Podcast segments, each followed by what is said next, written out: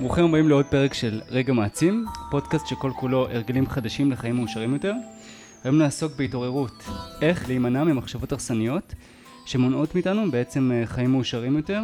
היום איתי ערן שטרן, מנטור עסקי ומחבר הספר להתעורר. וגם להגשים, אהלן. להגשים, אהלן, מה שלומך? מצוין. אה, הספר גרם לי בעיקר להבין כמה כוח יש למחשבות, וכמה, ש... וכמה חשוב להיות מודעים לכך. אני, אני יודע את זה, אבל אני אוהב שמזכירים לי, ואני אוהב שיש איזה שהם הרגלים שעוזרים לי גם כן אה, להימנע ממחשבות הרסניות. המדריך הזה הוא באמת לאנשים שתקועים באיזה שהם וירוסים מחשבתיים, כהגדרתך, כן. ואנחנו נדבר על זה. אני רוצה קודם כל שתתחיל אולי עם הסיפור האישי שלך. אני היום בן 48, אה, אב לשלושה ילדים, שלושה בנים, ומסלול שלי הוא, אני חושב, מסלול קלאסי כמו של הרבה מאוד אנשים, שאתה יודע, אתה מסיים את הצבא, את הלימודים, צבא, ואתה ככה מתחיל את החיים נקרא לזה, ואז אה, אה, יצאתי בעצם לדרך שהיא הייתה מאוד מקובלת, ואני מניח שגם היום היא מקובלת, וזה מה שציפו ממני לעשות, שזה ללמוד מקצוע טוב, כדי שאני אוכל למצוא עבודה טובה ובטוחה, ומה שנקרא להפליג בביטחון עד לפנסיה, זה מה ש... על, על הדבר הזה גודלתי בבית, על, זה, על בסיס זה חונכתי. ובאמת זה מה שגם קרה, אה, ממש השתחררתי מהצבא, אה, הוריי אמרו לי, אתה יודע, יש לך חופש בחירה מוחלט, אתה יכול לבחור ללמוד איזו הנדסה שאתה רוצה, לא מגבילים אותך בכלל, כל עוד זה הנדסה, אנחנו בסדר. ו- וזה מה שעשיתי, גם שני האחים הגדולים שלי מהנדסים, אז כבר, אתה יודע, הם הראו לי את הדרך. והתחלתי ללמוד באמת הנדסה, תעשייה וניהול בבן גוריון בבאר שבע, ומיד המשכתי לתואר שני מנהל עסקים, כי אתה יודע, בימינו תואר ראשון זה כבר לא מספיק.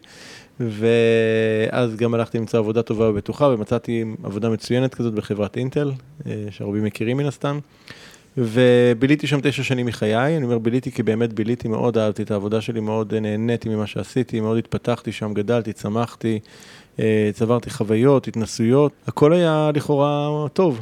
אתה יודע, הרגשתי בגיל 32 אה, כזה שפיצחתי את השיטה, אני כבר, אתה יודע, תפקיד בכיר, מנהל בין, פעילות בינלאומית של אינטל, יש לי עובדים בכל העולם, בישראל, במלזיה, בהודו, בארצות הברית, באירלנד, באנגליה, כל מיני, אתה יודע, קוסטה ריקה, כאילו, אתה יודע, אתה נוסע הרבה, אתה עושה דברים אה, שהרגישו לי אז בעלי משמעות. אבל אז התחילה איזושהי תחושה ש... אה, אני קורא לזה התחושה של קשה לקום בבוקר פתאום, שאתה לא, לא מצליח להוציא את עצמך מהמיטה, או שהשעון מצלצל, אתה נותן לו עוד איזה סנוז כזה, ואחר כך אתה מגיע למשרד ואתה מחכה ברכב עוד איזה דקה, כאילו אתה לא יוצא. אה, כל מיני התנהגויות אה, שהיו לי חדשות, כי עד אז באמת לא הייתה לי בעיה, הייתי קם בשמחה לעוד יום עבודה, הייתי מאוד מאוד מאוד אהבתי את מה שעשיתי, ופתאום כבר לא. ובהתחלה זה מפחיד, ואתה מנסה להתעלם מזה, וזה לא כל כך חוזר כשמתעלמים מזה, זה חוזר. וזה לא מרפה, ואז התחלתי לראות מה יהיה שם, וראיתי שאני כבר מרגיש שאני כבר לא במקום שאני אמור להיות בו, הייתה לי איזו תחושה שיש בי משהו הרבה יותר משמעותי שצריך לצאת החוצה, לא היה לי מושג מה זה, לא היה לי אפילו קצה של כיוון, אבל רק, רק הרגשתי שיש משהו כזה, ו, ושוב, כאמור, בהתחלה, תקופה מאוד ארוכה ניסיתי להתעלם מזה, ואני חושב שזה משהו שהוא אה, קורה להרבה אנשים, שיש לנו איזה קול פנימי כזה, איזו ידיעה פנימית שאומרת ש... יש בתוכנו משהו הרבה יותר משמעותי, הרבה יותר גדול, אבל אנחנו לא נותנים לזה מקום, אנחנו ממש מפחיד אותנו, בגלל שאנחנו לא יודעים מה זה, אז מפחיד אותנו אפילו לנסות רגע לשהות עם השאלה הזאת ולתת לנו הזדמנות לגלות או לחפש, ואנחנו פשוט מבטלים את זה, וזה זה מה שקרה בהתחלה אצלי. אבל uh, זה לא מניח, אז, אז יצאתי לחקור, ובסופו של דבר, לא, לא נעלה פה בכל התהליך, אחרי uh, תשע שנים של קריירה באינטל החלטתי לצאת לדרך עצמאית, ובעצם uh, יצאתי לעולם האימון, קואוצ'ינג, זה היה ככה היה בהתחלה, היום אני פחות הייתי מגדיר את עצמי כמאמן, יותר כסוג איזשהו, לא יודע, מורה דרך, עוזר לאנשים בתהליכי טרנספורמציה, לא, לא, בעצמי לא בטוח איך להגדיר את עצמי כרגע, אבל uh, באמת מאז ועד היום, כמעט 15 שנים, זה מה שאני עושה. ראיתי שיש הרבה מאוד דברים שמשותפים לכולנו, זאת אומרת, הסיפור שלי, אני חושב שהוא לא חריג, אני חושב שהוא מאוד uh, טיפוסי להרבה מאוד אנשים, לפחות כשאני מספר אותו לאנשים, אז אני רואה הרבה מאוד הנהונים. אז בדיוק, בגלל שזה לא חריג, אז אני רוצה כאן לחזור לקול הקטן הזה שאתה כותב עליו גם בספר, התחושה הזאת שפתאום יום אחד בבוקר אתה, אתה לא קם, אתה מחכה באוטו עוד לפני שאתה נכנס לעבודה, שזה מעניין, לא ידעתי את זה. ואני אומר לעצמי, וואי, הקול הזה, התחושה הזאת שאנחנו מתעלמים ממנה כל כך בקלות. השאלה היא, מתי, כי עוברים, אתה יודע, עוברות עשרות מחשבות כאילו בראש כל נכון. הזמן. ואתה, למה אתה מקשיב ולמה אתה לא מקשיב? בדרך כלל כשקול כזה מתחיל, אז אה, אה, אולי בהתחלה הוא מגיע עם איזה סוג של התרגשות, אבל אחר כך מגיע איתו גם הרבה מאוד פחד. והפחד הזה נובע מאיזשהו חלק בתוכנו שאחראי על הפחד הזה ואחראי להפחיד אותנו, ו, ו, וטוב שכך, אגב, זה, זה חלק שנקרא האגו. ומה שהתפקיד שלו זה לשמור עלינו. אוקיי? זה באותה צורה שהוא יגרום לך לפחד כשאתה נמצא ליד כביש סואן, או שאתה עולה על בניין גבוה שלא תקפוץ, נכון? אז באותה צורה הוא שומר עלינו כל פעם שאנחנו באים לעשות איזשהו משהו ש... שהוא כרוך בשינוי כלשהו, בסדר? וזה... אה, לא, ממש לא משנה מה השינוי, קטן, גדול וכולי, אה, כמובן ככל שהוא יותר גדול כך יהיה לה יותר פחד. בעצם מה שהמנגנון הזה עושה כדי לשמור אותנו, מבחינתו, ה- להישאר במקום שלנו זה ערך מקודש. אוקיי? זאת אומרת, אה, כי, כי, כי שם יש לנו ביטחון, אנחנו יודעים מה קורה, אנחנו מבינים מה המצב, אז כל עוד אנחנו במקום הזה, אנחנו יודעים להתמודד עם מה שמגיע. ברגע שמזיזים אותנו מהמקום שלנו, אז מתחילות, מתחילים החששות והפחדים, כי האגו בעצם מתחיל להרגיש מטולטל ולא, ופחות ודאות ופחות ביטחון, ואז הוא מפעיל בתוכנו כל מיני מנגנוני הגנה. אה, פחד הוא אחד מהם, אבל ספק, דחיינות, ביקורת, אה, ביקורתיות, ציניות, אה, אשמה, כל אלה זה, זה סוגים של מערכות הגנה שהאגו מפעיל בתוכנו, כדי למנוע מאיתנו לעשות איזשהו צעד של שינוי שמבחינתו הוא מאוד מאוד מפחיד. אז uh, צריך להכיר את המנגנון הזה קודם כל, כי כשאתה מכיר את המנגנון הזה ועולה בך הפחד, אז אתה יכול להגיד, אוקיי, אני מבין שהאגו שלי כרגע נכנס לאיזשהו מגננה בגלל שאני רוצה לעשות X או Y, ובואו רגע נחקור טיפה עם עצמי, מה, מה באמת מפחיד אותו, מה הדבר הזה שמפחיד אותו, יכול להיות שאני יכול לתת לו פתרון. אוקיי? אה, מה זה אומר פתרון? נניח שאם ניקח רגע את הסיטואציה שלי כדוגמה, אז, אז הייתי ב, אה, ב, באינטל, משרה בכירה, מרוויח מצוין, בית, משפחה, ילדים, משכנתה, כל החבילה.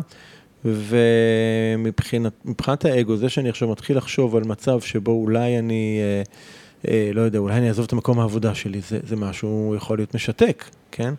אז יכול להיות שאני יכול לעשות איתו הסכמה, להגיד לו, תשכיב, אגו, אני לא הולך עכשיו לעזוב את העבודה מחר וגם לא מחרתיים, אני הולך אבל כן לחפש כיוונים שיכולים לעניין אותי בהמשך ולראות שאני יכול גם להתפרנס מהם. עצם אמירה כזאת שאני אומר לעצמי אפילו, אתה יודע, ביני לבין עצמי, שזה האגו שלי שמה, אז זה מאוד מאוד מוריד לחץ, זה מוריד פחד, ואז אני יכול להיכנס לתהליך של חקירה. אבל עד שאני לא מסדיר את הדבר הזה בתוכי, יהיה לי מאוד קשה לנוע, ולכן זו סיבה מרכזית שהרבה מאוד אנשים תקועים בחיים שלהם ולא מצליחים לעשות שינויים שהם יודעים שיעשו להם טוב, אבל הם עדיין מפחדים לעשות את השינויים האלה. אז אתה אומר להתחיל בעצם מקטן, כאילו. צריך, כן, צריך, אתה יודע, צריך לעשות את ה... מה שקורה זה שהתהליך הזה בדרך כלל מעצים את הפחד. אוקיי? זאת אומרת, אוקיי, אם עכשיו תחפש מה הדבר הגדול הבא שלך, אז אולי, אולי תעזוב את העבודה מחר, ואז אולי לא תוכל להתפרנס מזה, ואז לא יהיה ויזרקו אותך מהבית, ולא יכולים לתת אוכל לילדים, ובלה בלה בלה בלה, כאילו מלא, זה מין קקפוניה מחשבתית כזאת של פחד, שהיא לא לוקחת אותנו לשום מקום, ורק מקבעת אותנו יותר במקום. ואז צריך להגיד, אוקיי, אני בכלל לא מתכוון לעזוב מחר את העבודה, אני לא הולך לעשות שום צעד נמהר, אני רק רוצה לבדוק כיוונים, זה הכל, להתנסות. לאגו הרבה יותר קל לבלוע משהו כזה. וואי, זה מעולה, פשוט לנהל איתו שיחה. בדרך כלל אני אומר לעצמי, האם אתה בכלל מנהל משא ומתן עם מחשבות כאלה? בדיוק, אתה, אתה אמרת את המילה, זה, יש באחת התוכניות שלנו יש פרק שבדיוק נקרא משא ומתן עם האגו. זה ממש בדיוק ככה, אתה פשוט מנהל איתו משא ומתן. ובמשא ומתן הזה אתה מבין, כאילו ברגע שאתה חוקר לעומק בדיוק את הספציפיקציה של הפחדים, שזה עוד דבר חשוב, כי... אנחנו הרבה פעמים, אה, פחד מופיע לנו כמו איזושהי, כמו כותרת על כזה, פחד כלכלי. לא יודע מה זה פחד כלכלי, אבל אני כן יודע להתייחס שאומר, למשהו, לפחד שאומר, תשמע, אני כדי להתקיים, לקיים את משפחתי, אני צריך להכניס הביתה כל חודש 12,000 שקל. בסדר? זה, זה אני יודע להתנהל עם זה. אוקיי, עכשיו 12,000 שקל, בוא נראה איך אני יכול להתמודד עם הדבר הזה, לא עם איזה פחד כלכלי. Mm. אז להוריד את זה לספציפיקציה של הדברים מאוד מאוד עוזר לפוקג את הפחדים. כי לפעמים האגו או המחשבה הולכת באמת לקיצון, אתה תהיה הומלס, או אתה תהיה לבד. יזרקו אותך מהבית. כן. זה פחדים שאני חוויתי אותם, אני פחדתי שאם אני אעזוב את העבודה שלי, יזרקו אותי מהבית. לא היה לזה שום דבר מבוסס מציאות כמובן, אבל, אבל הפחד היה קיים והוא היה הרגיש מאוד מאוד אמיתי. רק כשאתה מוריד את זה לספציפיקציה של ממש של הפרטים הקטנים, אתה בעצם יכול להתמודד עם זה ולהבין, אוקיי, לבית כנראה לא יזרקו אותי. האם אני אצטרך לרדת ברמת החיים שלי? אולי. האם אני מוכן, אם זה מחיר שאני מוכן לשלם אותו? או שכן או שלא, בוא תחליט, תבחר, כן. אה, אולי אני יכול להרוויח כסף מכאן, אולי משם, אני לא יודע, אבל, אבל זה כבר, אתה הופך מאיזה מקום שאתה נעצר מול הפחד למקום שאתה בתנועה מולו, וזה עושה הבדל. אתה בתנועה מולו, ואיך אתה היית בתנועה מול הפחד? אתה ישבת לעצמך בחדר, זה... מחברת? לא, לא. אה, אפשר לעשות את הדברים האלה, אבל מה שנקרא, it will take you only so far, זאת אומרת, אתה תוכל להתקדם רק עד מקום מסוים, אבל בפועל, בסוף מה שצריך לעשות זה פעולות, זה להוריד דברים לקרקע. מה שלי מאוד עזר, זה שהתחלתי לחקור את זה, התחלתי לחקור מה מעניין אותי, ודרך לחקור מה מעניין אותך, יש הרבה דרכים, אבל הדרך שאני הייתי, אז נהגתי בה, זה היה שני דברים, אולי שלושה דברים מרכזיים. זה היה אה, אחד, אה, לימוד, שתיים, מפגשים עם אנשים, ושלוש, זה עשייה או התנסות, נקרא לזה יותר, התנסות. מה זה אומר? אחד, התחלתי להיחשף לכל מיני תכנים שעד אז לא הייתי חשוף אליהם, כמו שאתה נחשפת לספר שלי להתעורר, אז היו ספרים נוספים, יש ספרי העצמה, ספרי התפתחות, תודעה. שהתחלתי לקרוא אותם, התחלתי להיחשף אליהם, והתחלתי ללכת לסדנאות ולקורסים, ולהתחיל ללמוד את העולם הזה של המחשבה שלנו, של התודעה שלנו, של אפשרויות שיש לנו, של, אה, של לקחת אחריות על החיים ולנהל את החיים ולא להתנהל בתוכם וכולי. הדבר הזה מאוד מאוד מאוד פותח מחשבה ומרחיב תודעה, וכשאתה מרחיב את התודעה, אתה רואה דברים שלא יכולת לראות קודם, אוקיי? זה כמו, אני אתן דוגמה, זה כמו ש... אה, לצורך העניין, כשנולד לך הילד הראשון, עד שנולד לך הילד הראשון, אין לך מושג מה זה להיות אבא. נכון, אתה יכול לקרוא על זה 900 אלף ספרים, כן? אתה, שינסו לתאר לך את ההרגשה מה זה להיות אבא, אבל ברגע שהילד הזה מגיע לך החוצה, אתה פתאום מבין מה זה להיות אבא, לא מתוך שלמדת את זה, אלא מתוך שאתה עכשיו חווה, חווה את זה, הווה את זה. אז, אז, אז זה, זה בעצם העניין, וזה מביא בעצם לעניין הזה של התנסות, אתה חייב להתנסות בדברים. יש לי תוכנית ש, שנקראת עושים שינוי, שאנחנו מלווים שם אנשים לאורך זמן בתהליכי שינוי מאוד מהותיים. ואחד הדברים הבסיסיים בתוכנית הזאת זה שאנחנו כל הזמן יוצרים לאנשים, הם יוצרים לעצמם, אנחנו כמובן דוחפים אותם לזה, אה, הם יוצרים לעצמם התנסויות, אוקיי? אמ, עכשיו, התנסות זה לאו דווקא עכשיו להגיד, אוקיי, ניתן דוגמה, נגיד מישהו אומר, אני רוצה שכיר ואני עכשיו רוצה מחר להקים עסק ואני עכשיו uh, עושה את כל הדבר הזה. לא, זה, זה כבר צעד די משמעותי. התנסות זה יכול להיות לך למכור משהו, לא יודע. כאילו, משהו כזה, אני אתן לך דוגמה, ממש במפגש האחרון ביום חמישי, אחת המשתתפות עשתה, ממש סיפרה, שיתפה את הסיפור שלה בחודשים האלה, ו... אה, זה מישהי שחיפשה איך להכניס כמה, אתה יודע, עוד כמה שקלים בתקופת קורונה, בתקופת סגר וזה, והיא חשבה מה היא יכולה לעשות. ואז היא ראתה שאחד הדברים שהיא מאוד אוהבת, היא אוהבת לגלגל כדורי תמרים, לעשות, אתה יודע, מעדן תמרים בריא כזה. והיא עשתה כמה חבילות כאלה, והלכה למכולת במושב שהיא גרה בו, ושאלה אותו אם הוא ירצה למכור את זה, ואמר לה וואלה סבבה, ופתאום זה התחיל להימכר.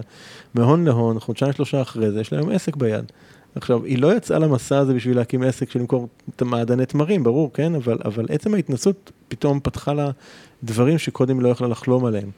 ולכן ההתנסות המעשית בשטח היא, היא, היא מאוד מאוד חשובה, זאת אומרת, זה לא רק להישאר על הספה ולקרוא ספרים, זה לא, לא תקרה התפתחות.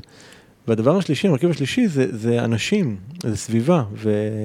ועכשיו, לא כל סביבה היא סביבה טובה ומקדמת, רוב האנשים הסביבה שלהם היא סביבה חומצית, היא סביבה אה, אה, שיש בה פחד, סביבה שיש בה אה, הקטנה, סביבה ש, של שיתוק, ו, ו, והם, הם, וזה מדבק, אז צריך למצוא את הסביבה שמקדמת אותנו.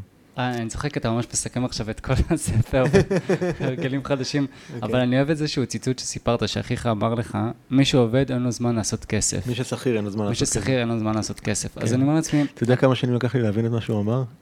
כמה שנים? הרבה מאוד. לא, אבל אני חושב לעצמי, אתה אומר את זה, והנה, היא עכשיו התחילה בצד והכינה תמרים והכול, ואני אומר לעצמי, רוב האנשים, נגיד, עובדים משרה מלאה, אה, קשוח, ויש גם ילדים, ואחר כך אתה חוזר, אין לך נכון. כל כך הרבה פנאי.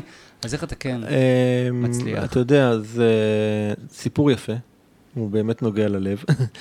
ואני טיפה ציני פה, אבל לא, סתם, זה בדיחה, אבל אני, אני אומר את זה כי, כי אם חס וחלילה היה קורה משהו לאחד הילדים, אנשים היו מוצאים את כל הזמן שבעולם, בנוסף לעבודה, לעשות מה שצריך, נכון? וואי, זו תשובה טובה. אין פה שאלה בכלל. נכון. ואנחנו מוכנים לתת את הלב ואת הנשמה בשביל הילדים, אבל למה לא לתת את הלב ואת הנשמה בשביל הנשמה שלנו? אוקיי? ולקום בבוקר, אגב, כשאתה סחוט רגשית, ושאתה מתוסכל, ושאתה עייף, ושאתה לא אוהב את מה שאתה עושה, ואתה גם מגיע ככה הביתה לילדים שלך, זה גם מקרין עליהם. לעומת זאת, אם אתה מגיע ואתה תעבוד, אולי עוד כמה שעות לא תהיה בבית ואולי לא תראה את הילדים, אבל כשתגיע לילדים אתה תהיה מוגשם, ואתה תהיה שמח, ואתה תהיה, הלב שלך יהיה פתוח, זה גם משפיע על הילדים, והילדים שלנו רוצים אותנו מאושרים. הילדים שלנו רוצים אותנו מאושרים, הם לא רוצים אותנו עייפים, מתוסכלים ולא ממומשים, אוקיי? ואם יש משהו אחד שאנחנו, או אם יש דרך אחת שבה אנחנו יכולים להעביר משהו לילדים שלנו, זה לא מתוך מה שנגיד להם, זה מתוך מה שהם יראו אותנו. ואם הם רואים את ההורים שלהם אה, שמחים ומוגשמים, זה מה שהם לוקחים, והם רואים את ההורים שלהם מתוסכלים ועייפים ויושבים מול הטלוויזיה ונרדמים שם, זה מה שהם לוקחים. אז, אז השאלה היא, אתה יודע, אם לא בשבילכם, תעשו את זה בשביל הילדים שלכם, אבל זה קודם כל בשבילכם. זה יפה, אז לכולנו למעשה יש זמן, ואתה אומר להתחיל בקטנה. כן, באמת, כמו כן. שזה. שזה אחד, שוב, זה אחד, אני חושב, המכשולים, זה שאנחנו ישר מתחילים לדמיין את ההשלכות האדירות, אוקיי, עכשיו, תאר לך שהיא הייתה אומרת לעצמה אותה, אותה, אותה מהממת עם התמרים של, אה, וואי, עכשיו מה זה לנהל עסק, ולמכור את זה, ולהפיץ, לא, זה לא מחשב, תעשי עשר קופסאות תמרים, לכי למכולת למכור, תראי מה יקרה מזה. תזרקי, כאילו זה לזרוק משהו למציאות ולראות מה תופס. בסדר? זה לא, אז לקח לה, לא יודע, אין לי מושג, שעתיים, שלוש, ארבע, חמש שעות לגלגל את התמרים, בסדר? נשמע לי מופרך, אבל נגיד. זהו, זה מה שזה לקח, וזה מילא אותה באושר, ואיפה היא היום ואיפה היא הייתה אז, כאילו אי אפשר לתאר את זה. זה, זה. זה מתחיל בדברים הקטנים האלה. וזה מה שעזר לך גם, בסופו של דבר, לעזוב את אינטל. לגמרי, לגמרי, כי, כי התחלתי להיפגש עם מלא אנשים, עשיתי חשבון, כתבתי את זה גם בספר, שבתקופה של משהו כמו שנה וחצי, קיימתי קרוב לכ-500 פגישות עם אנשים שונים. Um, בהתחלה זה, זה היה די אינטואיטיבי, אחר כך זה הפך להיות אסטרטגי.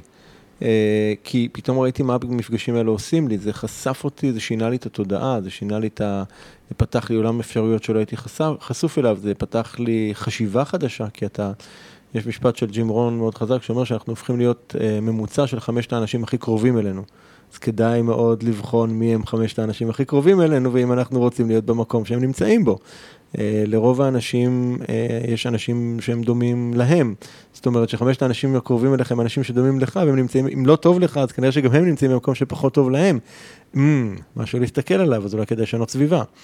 ו, ו, ובעצם מתוך המפגשים האלה התחילו לקרות דברים, אז פה הלכתי לעוד סדנה, ופה פתאום היה איזשהו מיזם שהייתי שותף פה, ואז פתאום נחשפתי לעולם של שיווק רשתי, ש, שככה פתאום תפס אותי והצטרפתי לעבוד כשעבדתי באינטל, ומתוך זה נחשפתי לעולם של התפתחות אישית, ופתאום נפתח לי הראש, ופתאום ראיתי שוואלה, אפשר לעשות כסף לא רק מ, מעבודה, אלא מעוד דרכים, כאילו, לא רק מלקום למשרד, אלא יש עוד דרכים להרוויח כסף, שיווק רשתי, ויש נדל"ן, ויש מיליון דברים נוספים.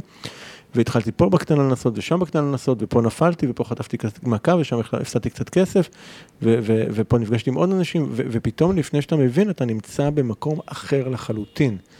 ואם היית שואל אותי שנה קודם, מתי תעזוב את אינטל, לא היית צריך לשאול אותי, אני, אגב, יש איזשהו דף יעדים כזה שכתבתי, כתבתי שאני בעוד ארבע שנים אעזוב. זה קרה אחרי שנה, באותה, באותו מקום ש, שכתבתי לעצמי שעוד, שנה, ש, שעוד ארבע שנים אני אעזוב, לא יכולתי לראות בכלל אפשרות שזה יקרה בזמן כל כך מהיר.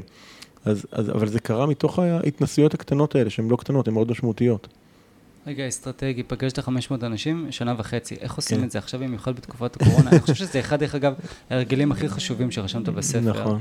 כי זה משנה באמת את התודעה. נכון. כי אתה יכול לקרוא הרבה ספרים, שזה גם עוזר, אבל להכיר מישהו שאומר לך, אני עשיתי X ואני הצלחתי Y, וכל נכון. מיני כאלה. אז, אז בוא... איך עושים את זה? אז, אז לפני שהאיך, בוא נדבר על מי. נכון, אוקיי. זה מאוד חשוב, זה לא סתם לפגוש ברחוב 500 אנשים, ממש לא.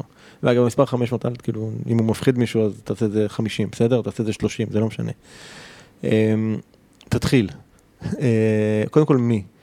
אה, כמו שאמרתי קודם, אנחנו, הסביבה, אנחנו נמצאים, האנשים שבסביבה הרגילה שלנו, לרוב, לרוב, לרוב, יהיו אנשים שמאוד דומים לנו. אוקיי?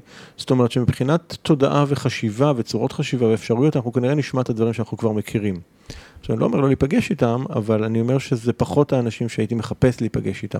הייתי מחפש אנשים שנמצאים במקום שאני רוצה להיות בו, או אנשים שנמצאים במקום שאני נמצא בו עכשיו, אבל עם אותם שאיפות להיות במקום אחר, שזה גם חשוב. ו, ו, והם נמצאים, הם נמצאים בהרבה מאוד מקומות, הם נמצאים ב, היום, אתה יודע, הם נמצאים בקבוצות פייסבוק, הם נמצאים במפגשים, מפגשי נטוורקינג, הם נמצאים ב, בכל מיני עולמות עסקיים כאלה ואחרים, הם נמצאים בעולמות של שיווק רשתי לצורך דוגמה, הם נמצאים בקבוצות נטוורק uh, uh, שקיימות, הם נמצאים בסדנאות, הם נמצאים בכנסים וירטואליים או פיזיים, זה בכלל לא משנה, גם היום, גם היום, היום אם קשה יותר פיזי להיפגש, למרות שאני... אני, אני לגמרי לא, מה שנקרא, לא קונה את העניין הזה, זאת אומרת, אני חושב שלהיפגש עדיין אין בעיה, כמובן תעשה דברים בזהירות וזה, אבל לא רואה מניעה לעשות את זה. אמ, אמ, אז, אז אפשר ליצור את החיבורים האלה, ופשוט להיות בן אדם שיוצא ומחפש את החיבורים. אמ, אחד הדברים שהתחילו אצלי את הדבר הזה, זה באמת היה ההתנסות שלי בשיווק רשתי, אני מזכיר אותה פה כי היא הייתה מאוד משמעותית בהקשר הזה, כי כדי להצליח בזה אתה צריך לפגוש אנשים ואתה צריך לדבר איתם ואתה צריך להיות, זה, זה פשוט שינה ואני בן אדם מאוד מאוד ביישן ביסודי ו, וזה גרם לי לצאת החוצה, זה גרם לי לפנות לאנשים, זה גרם לי לדבר איתם, זה גרם לי לפתח, ללמוד איך מפתחים שיחה, שזה כישורים שהם נשמעים כאילו, כאילו דה, אבל זה קישור בסיסי וכל כך חשוב במיוחד בעידן של היום, זה, זה, זה יכולת ליצור קשר, ליצור שיחה, ליצור חיבור. אה, כמובן אחר כך יש יכולות של לשווק את עצמך, להציג רעיון בבהירות, למכור רעיון, כאילו זה דברים שהם מהותיים, לא משנה מה אתה עושה, זה בין אם אתה שכיר או עצמאי, בעל עסק, זה בכלל לא משנה זה. או שאתה רוצה לצאת עם מישהי לדייט, אתה גם צריך למכור את עצמך באותה מידה, זה, זה כישורים, זה, אני קורא לזה שרירים. זה שרירים שכל אחד מאיתנו חייב לפתח. ולצערי אצל הרבה אנשים הם במיוחד, אה, אני, שוב, אני אגיד פה משהו שהוא מכליל, אבל כמובן שזה, יש חריגים, אבל, אבל הרבה אנשים, במיוחד שכירים, זה שרירים שהם די מנוונים. כי אתה פחות נדרש להשתמש בהם. שוב, אני, יש כמובן מקומות שכן, אבל, וגם במידה מסוימת. אה, יש שרירים נוספים, שרירים של התמודדות עם חוסר ודאות, שרירים של התמודדות עם כישלון, יש כל מיני שרירים. אז uh, כשהבנו את המה, את המי, סליחה, את מי, איזה אנשים אנחנו רוצים לפגוש, אז, אז בואו נראה איך עושים את זה. אז אחד, כמו שאמרתי, לראות איפה הם מסתובבים, באיזה פורומים, באיזה קבוצות, באיזה מפגשים, באיזה כנסים, באיזה קורסים, איפה הם נמצאים, בסדר? ולהתחיל להיות שם. פשוט להתחיל להיות שם, זה מה שעשיתי. אה, התחלתי ללכת לכנסים, לקורסים על יזמות, על התפתחות אישית, על נדל"ן, על שוק ההון, האנשים האלה נמצאים שם.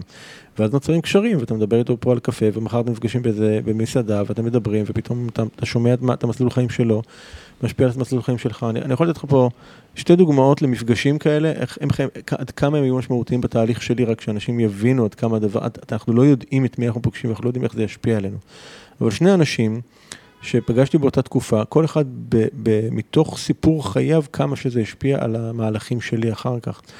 אה, הראשונה הייתה אה, מישהי שהכרתי אותה גם בעולמות של שוק רשתי, אבל אה, היא הייתה רופאה, אוקיי? היא הייתה עתודאית לפני כן, זאת אומרת, היא למדה עתודה שבע שנים, אחרי זה שירתה בצבא עוד חמש שנים כרופאה. זאת אומרת, השקיעה 12 שנים מחייה בלימודי רפואה, ואז היא הבינה שזה לא העולם שהיא רוצה להיות בו. ויצאה מהעולם הזה, לעולם אחר, לעולם של יזמות. ואני הסתכלתי על הדבר הזה, ו- וזה היה פשוט מעורר פליאה, השראה ו- אה, אה, ותדהמה בו זמנית, איך בן אדם שהשקיע 12 שנים מחייו מרגיש שזה לא הדבר המדויק לו, לא, נאמן לעצמו בצורה שאי אפשר לתאר אותה בכלל, עושה מעשה כל כך אמיץ, ואומר, אוקיי, אני שם את זה בצד ואני הולך לעשות את הדברים שבאמת באמת באמת מעניינים אותי וחשובים לי וממלאים אותי. מלא השראה קיבלתי ממנה, רק מלפגוש אותה, להכיר אותה ומהדבר הזה. אה, ואדם אחר ש... אה, אבל לפני שאתה עובר באמת כן. לדוגמה השנייה, אז פגשת אותה נגיד, כן. הגעת לאיזשהו קורס, ראית אותה, היא סיפרה את הסיפור האישי שלה. לא, הייתה לנו חברות, הייתה לנו ממש הכירות, כאילו. כן, אני אומר, איך מגיעים להיכרות הזאת? אמרת לה, בואי נשב בקפה. פגשתי אותה באיזשהו, כן, פגשתי אותה באיזשהו קורס, ואז הייתי בעולם של שיווק רשתי, וראיתי שהיא מחפשת יזמות, ואמרתי לה, תשמעי, אם את רוצה, בואי נעשה פגישה, אני אספר לך קצת על יזמיות שאני נמצא בהן, תראי אם זה משהו שמדבר אלייך. והיא אמרה בשמחה, ודיברנו, ומצא חן בעיניה, ואז גם היא הצטרפה, ונהיה לנו קשר יותר קרוב, וככה הכרנו יותר, אתה יודע, ברמה, ברמה אישית, ומה הסיפור חיים שלה וכולי. והיא הייתה, אני, אני יודע אם להגיד שההיכרות איתה הייתה מפגש משנה חיים עבורי, כי, כי אמרתי, וואי, כאילו 12 שנים של רפואה, מה אני מתבחן עם 4 שנים של הנדסה, כאילו, באיזה זכות יש לי בכלל, כאילו, אתה יודע, לא לעשות דבר כזה, אם אתה יודע שאתה רואה בן אדם שעשה דבר כל כך משמעותי. יש איזה כוח ממש חזק לפגוש אנשים חדשים. לגמרי. אבל אני אומר לעצמי, אתה חייב לדבר איתם פיזית, אני משאר להיפגש איתם פיזית? אמ, תראה, אם היינו עכשיו בארצות הברית, השאלה הזאת בכלל לא הייתה על השולחן. זאת אומרת, בכלל לא הייתה שאלה של להיפגש או לא להיפגש פיזית. אנשים שם, אתה יודע, לא נפגשים פיזית. משפחות לא נפגשות פיזיות. אתה יודע, פעם בקריסמס אז יש להם איזשהו מפגש פיזי. אז אני חושב שאנחנו קצת, יש לנו פה את הפריבילגיה, בגלל שאנחנו מדינה קטנה, להיפגש פיזית, אז כן, בוא ניפגש פיזית, אבל אני אומר, גם אם לא, אז תעשה מפגש זום, מה קרה? בוא נגיד, זו לא סיבה או תירוץ טוב מספיק בעיניי לא לעשות את זה, בסדר? כן, אתה, אתה נראה לי לא אוהב תירוצים, רואים שזה טוב. יש אה, אחד המנטור המשמעותי הראשון שלי, בוב פרוקטור, שנסעתי ללמוד עצמו בארצות הברית, היה לו משפט שהוא אמר, שאם יש דבר אה, יותר מסוכן מתירוץ, זה תירוץ ממש ממש טוב. אז חבר'ה, הקורונה זה תירוץ ממש ממש טוב, תיזהרו ממנו, זה מאוד מאוד מסוכן, בסדר? לא, לא בא לכם לצאת מהבית, תעשו בזום, בסדר? אני אומר לעצמי, וואו, איזה יופי שהיה לך גם חברים טובים וסביבה חזקה שדחפה אותך. כן, אני אנשים שאין להם את הסביבה. לא, אז יש משהו מסוכן במשפט שאמרת כרגע, אוקיי? כי... לא הרבה, לא הרבה מהם, אני יודע שההורים שלך לא כל כך... לא, לא, כי, כי, לא, לא, זה מסוכן במובן שאתה אומר, כאילו, או, טוב, אז לערן, כאילו, מישהו ששומע את זה יכול להגיד, טוב, לערן היו את החברים הטובים שעזרו לו ולי אין אותם. אוקיי, אז אני רוצה להזכיר שוב, שני האנשים האלה זה לא היו חברים שלי קודם לכן, זה אנשים שאני הכרתי במסגרת היציאה שלי החוצה, וזה זה, זה, זה, זה מערכות יחסים שאני יצרתי אותם, בסדר? הם לא היו קיימים בסביבה שלי קודם לכן. זו הבהרה מאוד מאוד מאוד חשובה, כאילו מישהו אומר לעצמו, טוב, שומע, טוב, אבל לי אין חברים כמו שיש לערן. בולשיט, לכו תיצרו את החברים האלה, לכו תמצאו אותם, לכו תיצרו את המערכות יחסים האלה, זה העניין, אוקיי? זה לא שהיה לי... זה כל כך חשוב הסביבה. מאוד חשוב. Mm-hmm. השאלה באמת, מה אתה יכול לעשות עם הסביבה שנמצאת כרגע? כאילו, אתה באמת יכול להימנע? אז יש, אה, אתה יודע, שיש כמה סוגים של סביבות שצריך להיות ערים להם, בסדר? נתחיל בסביבה המש... הזוגית אפילו, בסדר? אז האם אני אומר לכם, תחליפו את בן או בת הזוג? לא. לא בהכרח, אוקיי? לפעמים אולי כן. אבל זה צריך, נורא תלוי בטיב מערכת היחסים. יש, יש מערכות זוגיות שהן מאוד תומכות, נגיד ויקי אשתי אה, מאוד מאוד אה, תמכה, אז, אז היה לי מאוד קל מהבחינה הזאת בתוך הבית. אה, הסביבה המשפחתית הרחבה שלי, נגיד ההורים שלי מאוד מאוד התנגדו, אז, אז זה משהו שהיה צריך לקחת אותו גם בחשבון, כאילו מולם, אז אתה לא מפטר את ההורים שלך, נכון?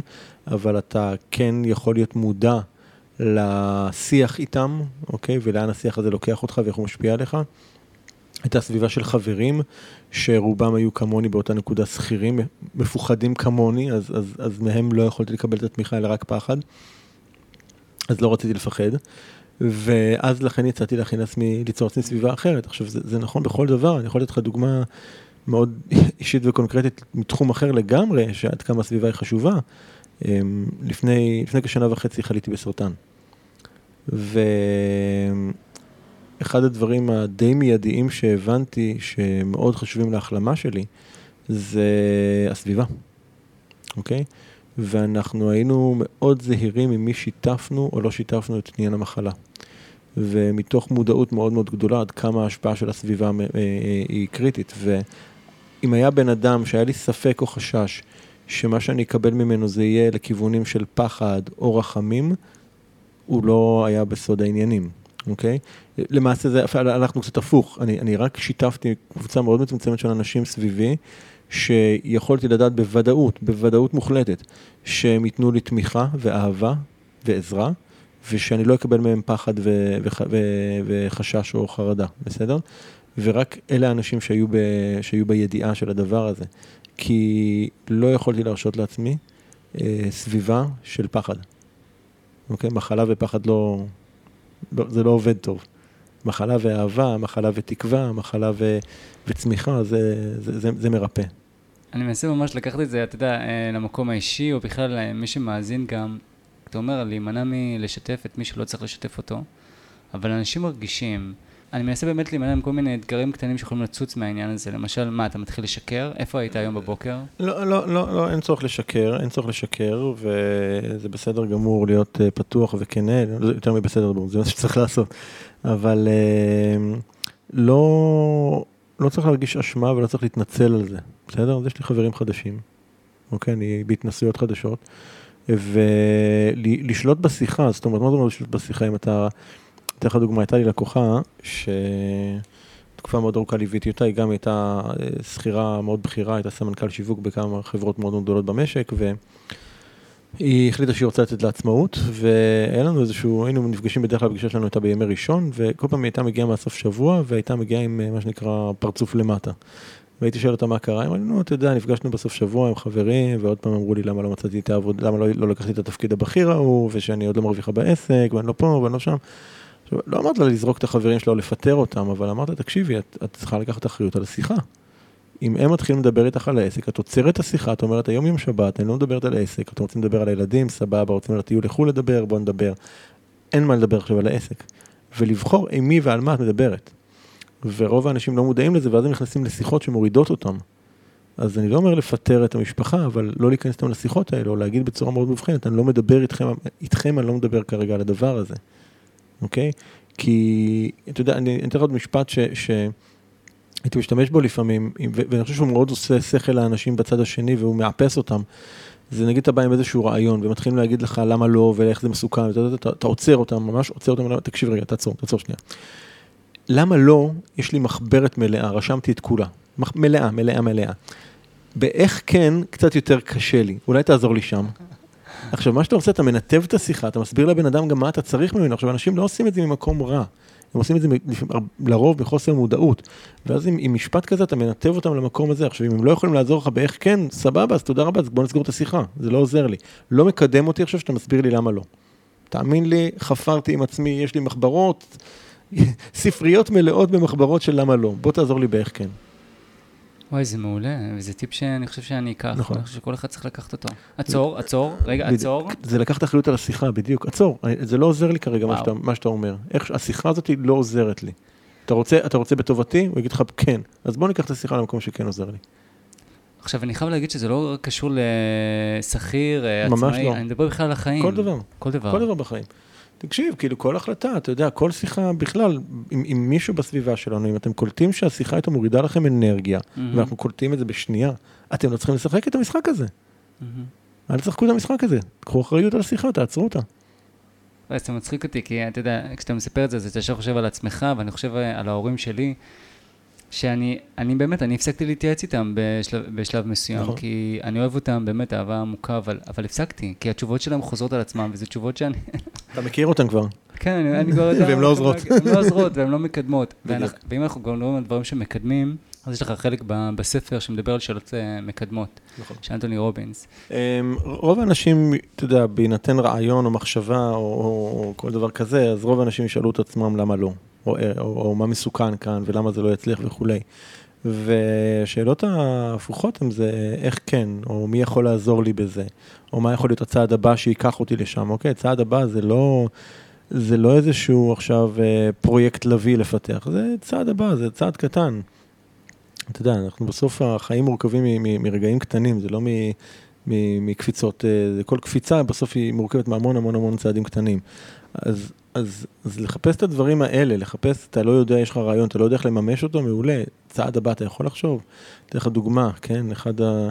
לפני כארבע שנים, אה, לא, הרעיון עלה לפני, לפני ארבע שנים זה קרה, הרעיון עלה שנה קודם, אז לפני כחמש שנים אה, עלתה לנו מחשבה אה, לצאת לטיול גדול בעולם.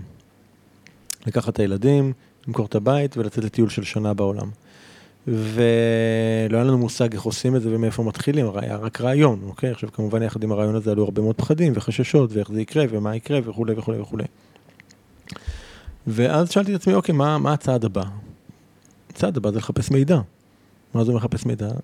נכנסתי לגוגל, כתבתי משפחות מטיילות בעולם, לחצתי enter והתחלתי לקרוא. זה היה הצעד הבא.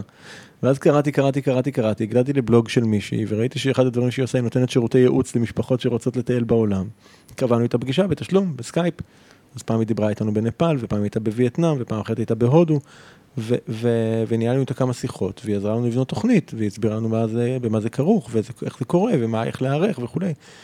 ומלא מלא מלא מידע שלא היה לי קודם, אבל זה התחיל מזה שנכנסתי לגוגל ועשיתי חיפוש, אז אתם לא יודעים מה הצעד הבא, כנסו לגוגל, תעשו חיפוש על זה, תראו. כאילו, יש מישהו בטוח בעולם שכבר עשה את מה שאתם רוצים לעשות. כן, סבירות גבוהה גם שכתב על זה איזה ספר או שניים או עשרה. כאילו, או שהוא נותן ייעוץ על זה, אני לא יודע, כאילו, בטוח יש שם מישהו שכבר עשה את זה. רוב הדברים כבר נעשו, אנחנו לא ממציאים שום דבר חדש. אה, זה מדהים. זה מדהים איך ש... כולנו צריכים לעשות את זה ממש, כי אתה, באמת, הפחד גורם לך לשיתוק, ואז אתה לא נכון, עושה כלום. והדברים הרבה יותר פשוטים, אתה יודע, אני, אני, אני בטוח שאנשים עכשיו אומרים, וואו, יצא לטיול של שנה בעולם, איך הוא עשה את זה, ו, ובטוח היה לו מלא כסף. עם הקול הזה, דרך אגב, כן, כן? נכון, בדיוק חבר'ה, זה bullshit, זה bullshit, אתם פשוט לא יודעים, זה הרבה יותר פשוט והרבה יותר נגיש לרוב האנשים. אתה יודע שלטייל בעולם, שוב, תלוי כמובן באיזה מדינות ובאיזה אופן ובאיזה צורה, לטייל בעולם להרבה מאוד משפחות זה יהיה הרבה יותר זול מאשר לחיות בארץ. אוקיי, אז כל הסיפור הזה של אין לי כסף, כאילו, וואלה. בואו תבחנו את זה, אתם, את- רוב האנשים מדברים מחוסר ידיעה, לפעמים אפילו לא נעים להגיד מבורות. ואתה לא באמת, כאילו, אתה יודע, בדקת את זה? לא, לפני כמה שבועות התקשר אליי איזשהו לקוח, הוא מאוד אה, נסער, כאילו, סביב העניין הזה של שיווק רשתי, והתחיל להגיד לי, זה זה הונאה, וזה פה וזה שם, ואמרתי... אתה יכול לפרק קצת על שיווק רשתי זה- שאנשים... זה, אה, זה פשוט שלא מכירים? אה, שיטת שיווק, זה, זה, זה עסק לכל דבר, מודל, סוג של מודל זכיינות, אפשר לקרוא לזה אפילו באיזושהי צורה, שאנשים מקימים לעצמם אה, אה, עסק שמ- שמשווק מוצרים של חברה קיימת, אוקיי? אה, שכל הפלטפורמה השיווקית שלה זה דרך זכיינים, זה לא שהמוצרים לא נמצאים על מדפים בחנויות, אוקיי? ואז בעצם החברה חוסכת המון המון כסף של פרסום, של שיווק, של שינוע, של אחסון וכולי, שהכסף הזה חוזר לא, לאותם זכיינים בצורה של עמלות, ומשם בעצם מגיע הכסף. אז הוא הגיע כולו טעון על הדבר הזה. ושאלתי אותו שאלה נורא פשוטה, אמרתי לו, אני מבין את מה, אני שומע את מה שאתה אומר, רק, רק שאלה. הוא אומר לי, כן, מה? ואני אומר לו, תגיד, כל מה שתיארת לי עכשיו, זה מתוך התנסות או חוויה אישית שלך? אז הוא השתתק שנייה ואמר לי, לא. אז אמרתי לו, אז מאיפה אתה יודע את כל הדברים האלה? אז הוא התחיל קצת לגמגם ולהגיד, אמ, לא, אתה יודע, אמ, קצת קראתי, שמעתי כל מיני דברים, אמרתי לו, בסדר, אבל אתה לא, זה לא, אין פה התנסות חוויה אישית שלך, שאתה באמת יודע שככה הם הדברים. והוא היה כן מספיק להגיד, לא, אתה צודק, אין לי. אמרתי לו, אוקיי, אתה, אתה בא לך שאני אספר לך קצת על ההתנסות האישית שלי עם העולם הזה? אבל התנסות, לא, לא תיאוריות, התנסות אמיתית. אתה, אכפת לך שאני אספר לך? אמר לי, תספר לי. כשהסתיימה השיחה, הוא אמר לי, תקשיב, ממש תודה ש, ש, ששיתפת אותי ככה, כי אני באמת הבנתי שאני לא מבין. היו לי איזה שהן תפיסות מסוימות על העולם הזה, שלא באמת הבנתי אותן. אז אני נותן את זה כדוגמה, כי יש לנו לכולנו תפיסות על המון דברים. אבל כאילו, תפיסות זה אחלה, אבל, אבל אם אין לך התנסות אמיתית, וואלה, אולי כדאי לבדוק את זה בעצמך ולא להסתמך על כל מיני שמועות או, או, או חצאי אמיתות או כל מיני, אה, היום פופולרי להגיד fake news, כן, אבל אה, על כל מיני דברים שאתה לא באמת מכיר מהתנסות אישית או חוויה אישית שלך. אז להימנע מכל המידע הרע במרכאות? כן, תשמע, אני חושב שאנחנו היום בעידן של הצפת מידע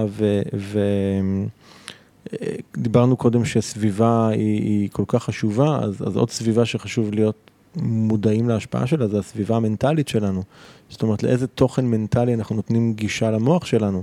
אה, למשל, אם אני מסתובב בפייסבוק וכל הפיד שלי זה מלא באנשים שמנעצים ומקללים ושיח, אתה יודע, לא נעים להגיד, אבל אתה מבין איזה שיח וכזה, במיוחד בתקופה של השנתיים האחרונות, מאז שהתחילה שרשרת מערכות בחירות האלה. אה, זה, זה פשוט מוריד את האנשים, ואני יכול להגיד לך שאני בצורה אדיקה, אה, מאוד קיצונית לפעמים, אני, אם אני רואה מישהו שהתוכן שהוא מפרסם הוא פוגעני, מעליב, מזלזל, לא מכבד, וזה בכלל לא אכפת לי למי הוא מצביע, זה בכלל לא עניין של השקפה פוליטית, זה עניין של טון. אני, אני חוסם אותו מיידית ואני מעיף אותו מהחברים שלי, אין לי עניין שבסביבה שלי יהיו אנשים שזה, שזה העולם תוכן שלהם, לא מעניין אותי. זה יכול להישמע מתנשא, whatever, לא אכפת לי. אני מבין שזה משפיע על המחשבה שלי, אני משפיע, מבין שזה משפיע על החשיבה שלי. אני מבין שאם אני צורך חדשות ואני רואה מהדורת חדשות שלוש פעמים ביום, ו- ואת כל המבזקים ואת כל השיט שמאכילים אותנו שם, זה משפיע על החשיבה שלי, אז אני נמנע. אני מבין שאם אני קורא עיתון כל יום, וכאילו בואו רגע נסתכל על זה, אין שום דבר חיובי בעיתון, בסדר? אין שום דבר חיובי בחדשות, זה לא סתם וזה לא מקרי, אין רייטינג בחדשות טובות, אין, עשו מלא ניסיונות, עשו, אתה יודע שעשו עיתונים של חדשות טובות, הם נכשלו כישלון כלכלי, זה לא מוכר. אז, אז, אז למה, שאני, למה שאני אכניס את ה... אתה יודע, כמו שאנשים מאוד הפכו להיות מודעים לאיזה אוכל הם מכניסים לגוף שלהם, איזה אוכל אנחנו מכניסים ל mind שלנו, למחשבה שלנו. לראות חדשות כל הזמן זה, זה, זה רעל, זה פשוט רעל. לראות בפיד אנשים שמטנפים זה רעל, זה רע לנשמה, זה רע למוח. זה, אנחנו דרך חי... אגב, זה לא רק אנשים שמטנפים, אתה גם דיברת על זה בספר, בפייסבוק, אבל אנחנו יודעים היום שיש מחקרים שמראים שממש, נכון. פייסבוק גורם אה, לדיכאון. לג... אגב, כן, אני קורא לזה Fakebook, כן? כי הרי מה אתה תכתוב בפייסבוק? אתה, אתה, אתה תשים את התמונה של המנה המהממת במסעדה, או של החופשה, המטמטמת, או את הילדים המקסימים שלך, ש, שאתם צובעים ביחד את הכיסא נדנדה בחצר, ואיזה כיף שאנחנו מבלים ככה שבת משפחתית איכותית ו, וכיפית. כן, אתה לא מראה את העשר אה, דקות קודם שצרחת עליהם את הנשמה שלך, נכון? ואתה לא מראה את התמונה שהקטן הרביץ לגדול, ו- ו- ונכון, ואתה לא מראה את ה... ואתה לא מקליט וידאו של המריבה שלך עם אשתך, נכון? ואתה לא מצלם את עצמך עם הכרס מול המראה, נכון? את הדברים האלה אתה לא מראה, ואז אנשים, מה הם רואים בפייסבוק? הם רואים רק את ההפי-הפי.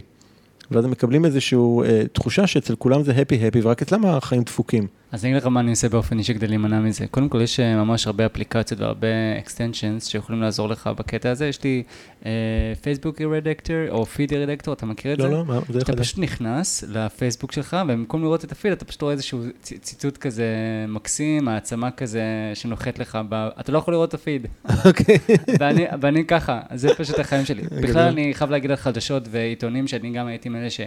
גם מששים, גם מבזקים, גם נכון. חדשות, וגם קורא את העיתונים, ואני הפסקתי עם זה ממש. חד משמעית. אני עכשיו, אני אפילו לא מסוגל, אם אני יושב אצל, אה, אתה יודע, משפחה, חברים וכאלה, נכון. אני לא מסוגל, אם פותחים אצלי אה, טלוויזיה, אני, אני לא יכול נכון, לראות נכון, את זה. זה כבר לא בתדר הזה, אגב, אז אנשים יגידו לי, אז מה, אתה מנותק ממה שקורה? לא, אני לא מנותק, תאמינו לי שקורה משהו משמעותי, אתם תדעו. בסדר? וואי, זה יפה מה שאתה אומר. אתם תדעו, אוקיי? אם יהיה פתאום שלום אני עם... אני אדע, uh, אני אדע. אתם תדעו, כן? יהיה פתאום שלום עולמי, אתם תדעו, אם הקורונה תיעלם אתם תדעו, וגם אם יהיה סגר כללי אתם גם תדעו, בסדר? זה יגיע אליכם, מבטיח לכם. כן, גם אופו ווינפרי אמרה את זה, שהיא לא, לא רואה חדשות, אבל אם יש משהו חשוב, היא יודעת שיתקשרו ויודיעו לה. נכון, אתם כאילו. תדעו, אתם תדעו, זה יגיע אליכם, אתם תדעו. תודעה תגיע אליכם, אתם לא מפספסים, באמת לא מפספסים שום דבר. מה זה אמר להוא, ומה היא אמרה לזה, והלכלוך החדש הזה, והספין הפוליטי החדש, והסטטיסטיקה החדשה של הקורונה, זה לא מעניין, חבר'ה, זה לא מקדם אתכם בשיט לשום דבר משמעותי בחיים שלכם. תפסיקו להשקיע שם את הזמן ואת האנרגיה. אני חייב לספר סיפור אישי שהייתי בצבא, וסגרנו הרבה זמן, ואני הייתי מאלה שרואים באמת חדשות כל, כל הזמן, כאילו, כל הזמן. ואני זוכר שחזרתי אחרי כמה חודשים טובים שלא ראיתי טלוויזיה. ואז באתי, אתה יודע, כמובן, פותחים שמונה בערב ואתה צופה בחדשות, ואז אני אומר לך, אני הייתי בטוח שזו אותה מהדורה ש... שראיתי פעם שעברה, כאילו, אותו דבר. פלסטינים, תאונות דרכים, כל מיני כאלה, אה, פוליטיקה וזה. אמרתי לעצמי, יואו, כמה שנים, וזה היה לי רגע המומנט כזה, שאמרתי לעצמי, יואו, כמה זמן בזבזת. כמה בזבזת על השטויות האלה שחוזרות על עצמן ולא מקדמות אותך. זה, זה הרבה יותר רק אבל מזמן, חשוב להבין את זה. זה. זה לא רק בזבוז של זמן, שאני מסכים, זה, זה, זה פגיעה מחשבתית אקוטית, בסדר? כי, כי כשהדבר הזה נכנס לנו למוח, וזה מת, מת, מת, מת, מתקבע שם בביתת המודע שלנו, זה, אנחנו בעצם אה, ממשיכים באותה צורה למשוך דברים כאלה, זאת אומרת, זה לא סתם ש... איך נסביר את זה? כשבן אדם נמצא ב... ב state למשל של הישרדות או קורבנות, אוקיי? זה לא סתם שממשיכים לקרות לו דברים רעים, אוקיי? זה לא סתם. הוא נמצא בתדר הזה, אוקיי? הוא מושך לחיים שלו עוד הזדמנויות שיוכיחו לו שהוא, שהוא בהישרדות וקורבנות. ו- ו- וכל עוד אנחנו ממשיכים להאכיל את המוח שלנו ואת המחשבה שלנו, להזין אותה ב- ברעל כזה, אז אנחנו נמשוך עוד רעל לחיים שלנו, זה, זה, זה, זה, זה מאוד מאוד מאוד מאוד פשוט, כן? אה, ולכן אני חושב שהעניין פה זה לקחת אחריות מוחלטת על הדבר הזה. כמו שאתה מבין היום שלאכול, אה, לא יודע, שלאכול אה, דברים מסוימים זה לא בריא לך ושלעשן זה לא בריא לך ואנשים הם יודעים ומודעים לזה. גם להיות חשוף לש, לסביבה שלילית, חומצית, זה לא בריא לך, לא בריא לנו. מה אתה עושה כשזה פנימי? אה, שאלה מעולה. הלקאה עצמית. כן, אה, שאלה מעולה. אה, אתה צודק, זה, זה החיצוני זה הרבה יותר קל לשלוט בזה, כי הפנימי זה, זה יותר עבודה. אני חושב שקודם כל צריך להיות מודע לזה, זאת אומרת, קודם כל זה להתחיל להסתכל ולראות באמת מה השיח הפנימי שמנהל אותי, ו... ו כי ברגע שאתה מודע, אתה בעצם מביא את זה מאחור, אתה מביא את זה לפנים, אתה, אתה פתאום רואה מה, איך הדבר הזה באמת, מה באמת אתה מחזיק בתוכך, את הביקורת העצמית, את ההלקאה העצמית, את השיפוטיות כלפי עצמך וכן הלאה. אמ, הדרך אה, להתמודד עם זה, מעבר לשלב הראשון באמת להביא את זה למודעות, השלב השני זה, זה למעשה, אמ, יש כמה דרכים, אבל אחד זה כמו לחפש הוכחות שזו טעות. אוקיי, להגיד, רגע, אני לא לא יוצלח, אני הנה, גם פה הצלחתי ושם הצלחתי ושם הצלחתי. שתיים זה הכרת תודה. אוקיי? כאילו הכרת תודה על בסיס יומיומי, להסתכל על החיים שלך, לראות מה כן עובד בהם, אתה יודע, לא להסתכל על חצי כוס הריקה, להסתכל על הכוס המלאה, ולראות ולהודות על הדברים האלה, אבל באמת להודות עליהם.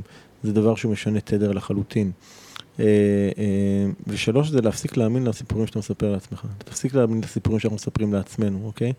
אה, כי אנחנו מבקרים השופטים הכי גרועים של עצמנו. וזה, הרבה פעמים אתה יכול לעשות את זה, זה ללכת לאנשים קרובים אלינו שמכירים אותנו ולהגיד להם, תגיד, מה, מה טוב בי? מה אתה אוהב אצלי? ובדברים האלה להתמקד. אמרת פה כמה דברים, הרבה דברים. אה, איך להתמודד באמת עם מלכה עצמית, או שופט פנימי, כמו שהגדרת בספר. ואני אומר לעצמי, איזשהו משהו שעוזר לי, קודם כל אני עושה הכרת תודה, ואני ממליץ באמת לכולם לעשות את זה כל יום, לכתוב לכם אה, חמישה דברים שאתם מודים עליהם. מעבר לזה, אני כותב, אה, זאת שיטה גם כן, אני כותב ביומן. ביומן על הבוקר, אתה שופך את כל המחשבות שיש לך, הכל הכל, אתה שופך על הדף, ואז פתאום זה לא מקבל את העוצמה שיש לזה כשזה בתוך הראש כל הזמן. נכון. נגיד. כשזה קורה כל הזמן, נגיד, במהלך היום, אז לאנשים ממש קשה להתעלם מזה, וזה לא קל. כמו נגיד, כמו שאמרנו, חיצוני, שזה סיגריות וזה, אני פשוט לא מכניס לבית שלי סיגריות, אני לא מעשן, אני לא מכניס צ'יפס. גם סיגריות זה לא עבור, צ'יפס זה לא תמיד קל, זה, זה, אני חושב שזה שונה בקושי של זה, כן? אה, אבל זה, זה חייב להיות מהלך שקורה מתוך מודעות ו, ולהבין את המחירים. אולי, אולי כשבן אדם יבין את המחירים שהוא משלם... Mm. אז מה המחיר? אוקיי. בוא נדבר על המחיר. בוא נדבר על המחיר. אז מה המחיר של להחזיק אה, מחשבות בתדר הזה? בתדר, בתדר של קורבנות, של אסונות, של... המחיר זה שאתה... אתה נשאר כל הזמן ב, במקום הזה, שאתה שומע כל הזמן על, על אסונות, על בעיות, על... אה, אתה, אתה נמצא במקום שהדברים האלה גם קורים לך, אוקיי? אה, אתה נמצא בתדר, זה תדר חולה, בסדר? בואו נשים את זה רק ככה. זה תדר שהוא מביא מחלה. אוקיי, מחלה זה לאו דווקא רק מחלה פיזית, זה גם מחלה, מחלה פנימית. זה לא מחלה נפשית דווקא, אבל זה, זה, מחשבות שהן חולות, זה מחשבות שהן לא בריאות לנו. אמ, אתן לך פה דוגמה.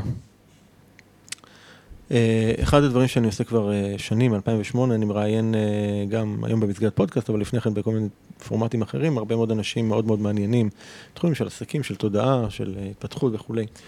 ולפני כמה שנים ראיינתי את דוקטור ברוס ליפטון, שהוא ביולוג בעל שם עולמי, ביולוג של התא, מתמחה בתא, הוא כתב כמה ספרים, אחד הטובים בהם גם יצא בעברית, נקרא הביולוג, הביולוגיה של האמונה, בהוצאת פראג. ועשיתי איתו, לרגע להשקה של הספר שלו, עשיתי לו איתו רעיון כזה. והוא סיפר לי שם על ניסוי מדהים, שגם מוזכר בספר, אבל ניסוי מדהים שהוא עשה.